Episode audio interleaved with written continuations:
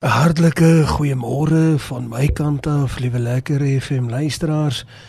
Wat 'n groot eer en voorreg om dan nou ook vanmôre die woord van die Here te kom bedien. Dit is altyd 'n groot voorreg want een ding seker, die saak van die Here geniet prioriteit.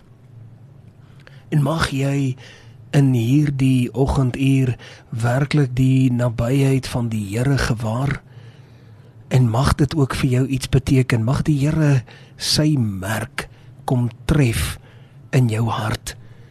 En ons is die laaste week al besig om te praat en te fokus op die lyding van Paulus. Nou ons het spesifiek gister en eergister gepraat oor 'n paar sake wat nogal aan die hartsnare kom raak het. Ons het juis gepraat oor die feit dat Paulus die saak kom bevestig deur te sê dat wanneer 'n mens roem, behoort jy in jou swakheid te roem. Dat 'n mens nie sal roem op gronde van die groot en wonderdade nie, maar dat 'n mens sal roem in jou swakheid. Dat 'n mens ootmoedig en nederig sal wees voor die aangesig van die Here. En dat ons werklik waar op 'n punt sal wees waar ons die saak van die Here so sal omgord aan ons liggame dat dit 'n tweede natuur sal raak om selfs deur die moeilikste omstandighede te staan. En spesifiek het ons gister gepraat oor Paulus wat op 'n plek gekom het waar hy so hard gewerk het dat hy selfs tot 20 ure 'n dag gewerk het en die evangelie verkondig het. En dan baie maal dink ons, jong, ons gaan deur 'n moeilike tyd. Daar is soveel kere wat ons dink, weet jy, ons saak is so uniek. Ons gaan deur 'n baie baie moeilike tyd en dinge is maar nie altyd die heel maklikste nie. En en dat ons weet nie of ons dit nog langer kan uithou nie. Maar jy weet dan lees ek hier dat Paulus op 'n punt gekom het in sy lewe waar hy so hard gewerk het en dat hy dit dikwels gedoen het sonder enige iets om te eet en enigiets om te drink. Liewe lekker hê en vriende, dan besef ek net weer van vooraf die absolute wonderwerk. Die absolute grootheid van die Here. Die almag van die Here want dan weet ek die Here het hom deurgedra in tye waar hy amper verkleim het, waar hy nie eens klere gehad het nie. Hoeveel van ons sal kla omdat ons nie die regte klere het nie? Omdat ons voel ons dalk nie die geskikte klere het nie. Hy het nie genoeg klere gehad nie. Ons sal baie maklik kla oor die tipe voedsel wat ons eet. Hy het glad nie kos gehad om te eet nie. Hy het glad nie iets gehad om te drink nie ons sal kla oor 'n uh, 8 uur 8 ure lange dag wat ons gewerk het en dit was nou baie harde werk terwyl hy 20 ure lank gewerk het. Dit beteken hy 3 keer langer gewerk as wat jy deur 'n dag werk.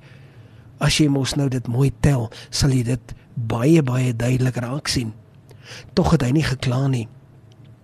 En begin vir my om vir jou te lees vanaf vers 28 tot en met vers 33 en baie treffend hoe Paulus dit hier ook sê. En ons weet natuurlik dat ons al die hele week stil staan by 2 Korintiërs 11 en daarvan af vers 16 maar spesifiek vandag lees ons hier vanaf vers 28 sê Paulus hier asof dit nie genoeg is nie moet ek ook nog elke dag 'n groot klomp krisisse hanteer die verskillende gemeentes se probleme lê swaar op my hart En wanneer party gelowiges tou wil opgooi, voel ek hulle pyn aan my eie lyf.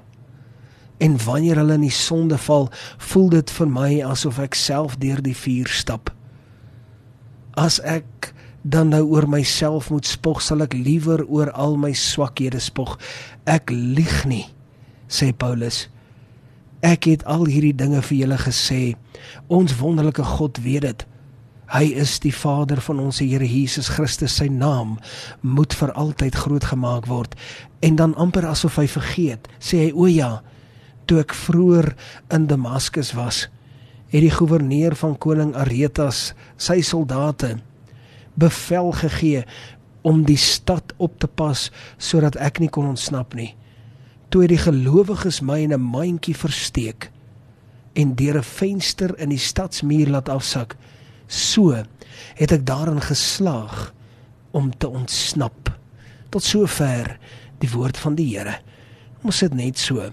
Dan sluit ons die oë dan bid ons saam. Hemelse Vader, wat 'n groot voorreg dat ons vir hierdie afgelope week kon stil staan stil staan by die leiding van Paulus dat ons daardeur bemoedig kon word. Here, dankie vir u woord en seën u woord. Is my gebed in Jesus naam. Amen. En amen. Liewe lekker FM luisteraars, jy weet dit is vir my so treffend asof dit nie genoeg is nie. Jy weet Paulus het nou al reeds alles gelys. Hy's in die gevangenis gegooi. Hy is telke male geslaan. Het hulle hom letterlik vasgedruk en omdat hulle die woord van die Here verwerp het, het hulle hom uitmekaar uitgeslaan. In ons taal sal jy nou sê dit was 'n regte 'n regte straatgeveg wat hulle hom so geslaan het dat hy nie deur sy eie twee oë kon sien nie, dat sy wangbene en sy kakkebeen gebreek is, sy tande afgebreek, afgeslaan is. En dan staan hy maar net weer op en dan begin hy net weer. Ja, dan lees ons hier 5 keer. 5 keer is hy geslaan, 39 houe wat hy formeel gefonnis was. Hy was in die gevangenis gewees. Die rowers het op hom afgedaal. 3 keer het hy skipbreek gelei, 'n dag en 'n nag op die oop water. Dan was daar gevare in die riviere, krokodille, seekoeie, noem dit net wat jy wil, steeds het hy vorentoe gebeur vir die evangelie. Hy was 'n gevare in die stad, 'n gevare in die woestyn. Johan het hom gestenig en 'n hele dag en 'n nag het hy in die oop see deurgebring. Baie keer sonder ete. Meeste van die tyd sonder kos en meeste van die tyd sonder klere, amper verkleim asof dit nie genoeg is nie sê hy. Asof dit nie al te veel is nie. Asof dit nie vir jou tot raserny sal drywe nie. Kom hy hier en hy sê moet ek nog die klomp krisisse hanteer van die verskillende gemeentes wat ek gestig het? Daar is al reeds leraars geplaas in hierdie gemeentes. Maar ek moet nou nog die krisisse hanteer in die verskillende gemeentes se probleme lê baie swaar op my hart. En dis amper asof ek hulle pyn self aan my eie lyf voel as ek sien hulle wil opgee. Wanneer hulle in 'n tipe van 'n sonde wil verval. Liewe lekker FM luisteraar, as jy nou nog nooit werklik gesien het hoe moeilik dit soms in 'n gemeente opset kan gaan nie dan sal jy waarskynlik nie weet waarvan ek praat nie. Maar die feit dat Paulus dit hier sê is is absoluut 100% korrek. Terwyl hy daar geslaan word en lê en bloei agter in sy agterkop, is hy bekommerd oor wat by die gemeente aan die gang is. Is hy bekommerd oor die gemeente wat hulle self in 'n tipe van 'n afvalligheid bevind?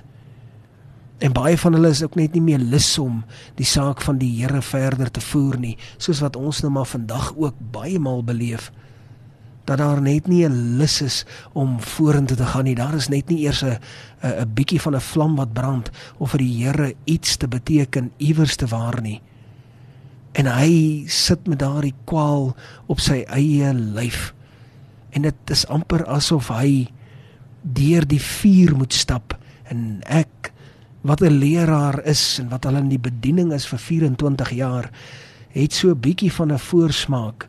Ek weet presies wat hy hiervan praat. En partymal kry dit jou, meeste van die tyd eintlik kry dit jou absoluut onder. Hy sê en wanneer hulle in sonde val, voel dit vir my asof ek self deur die vuur stap. Nadat hulle oor en oor die genade van die Here gesien het, nadat hulle keer op keer bemoedig is, nog steeds het hulle wel weggestap. Dan gaan hy verder. Hy sê as ek moet spog, spog ek liewer my swakhede. Hy weet Dat dit gaan oor dit wat jy bereid is om deur te maak. Die feit dat jy staan en vas staan. En dan sê hy: "O ja, toe ek vroeër in Damaskus was, het die goewerneur van koning Aretas sy soldate beveel om die stad op te pas sodat hy dit nie kon sodat hy nie kon ontsnap nie." So die hele soldaat mag was uitgegee om vir Paulus daar in die stad te soek. Ek meen toe hulle 'n kans gevat en om daar deur 'n venstertjie aan die kant van die stad se muur af laat sak. En so kon Paulus toe uiteindelik wegkom. Dit noem 'n mens genade. En jy weet lekker hom luisteraars nou dat die week tot op 'n einde gekom het en ons hierdie week juis hier stil gestaan het tref 'n geweldige groot heimwee my en staan ek eerste in die ry en ek steek eerste my hand op van waar dit vir my so moeilik is van waar dit vir my 'n absolute saak van van kommer is dat ons nie bereid is om vas te staan nie En dan besef ek dit wat ons deurgaan is eintlik nie veel nie. Dit wat ons deurgaan is eintlik te min. Want mag Paulus 'n voorbeeld wees vir jou soveel te meer vir my. Om regtig waar net te sê ek hou my kop af. Ek sak in hierdie skram. Ek trek my trui aan en ek staan met die raket in my hand en ek gaan hier vasvat. Ek gaan vorentoe beer. Ek gaan doen wat die Here van my verwag. Ek gaan doen wat die Here gevra het. Ek gaan die evangelie verkondig. Want as een man dit kon deursien, hoekom kan ek dit nie ook deursien nie? Hoekom kan ek nie die minimale vir die Here doen nie? Hoekom kan ek nie dan nou maar baie maklik getuig nie? Waarom is dit moeilik vir my om op te staan en by 'n gesin, 'n geestelike gesin betrokke te wees, maar met die regte gesindheid en te ondersteun en te onderskraag en jou lokale herder, jou pastoor, jou dominee te ondersteun met alles binne in jou. Om daar te wees vir hulle, om hulle te onderskraag en hulle hande omhoog te hou. Hoekom is dit moeilik vir ons om mense saam te nooi? Hoekom is dit moeilik vir ons en te veel gevra as ons moet ondersteun? En baie maal as ons die beursie moet uithaal en sê, weet jy wat, miskien moet ek moet ek ook my deel bring. Miskien moet ek ook dalk wys dat ek die evangelie sal ondersteun finansiëel want dit is wat die Here van my verwag. Dit is wat die Here van my verwag. En dan sal ons baie maal sê maar dit is Ou Testamenties. Nou ek wil graag vir jou sê nog voor die wette in plek was, het Abraham het hy beloof dat hy 'n tiende sal gee. Dit was nog voor die wette ingestel was. Het hy beloof hy sal vir die werk van die Here gee. Hoekom nie ons nie? En dit gaan nie hier oor 'n 'n 10de of 'n 5de of 'n 15de of 'n 20ste nie. Hier gaan dit oor ek gee want die Here het 'n blymoedige gewer lief. En hoekom as ons sien waardeur Paulus gegaan het dat hy nie eers iets gehad het om te eet nie, is dit skielik vir ons moeilik. Ek wil jou bemoedig. Lekker FM luisteraars. Kom en laat die saak van die Here belangrik word vir jou. Om gord jouself met die saak van jou hemelse Vader. Tot sover die woord van die Here. Kom ons sit net so. Dan sluit ons die oor en bid ons saam, hemelse Vader. Dankie dat U ons op 'n kosbare wyse kom seën het. Dankie dat U ook altyd getrou is in die woord. En ons weet dat U woord ons kom tref het in ons harte. Ons weet dat u woord werklik suiwer in ons gees afgelewer was. Dankie Here dat ons hierdie week kon stil staan, seën hierdie skrif. Laat dit ons harte nie ontwyk nie. En laat ons soos een man die luisteraars van Lekker FM 98.3 ook dan nou daarmee bemoeienis maak. Seën ons radiostasie. Is my gebed in die naam bo alle name. Amen. En amen.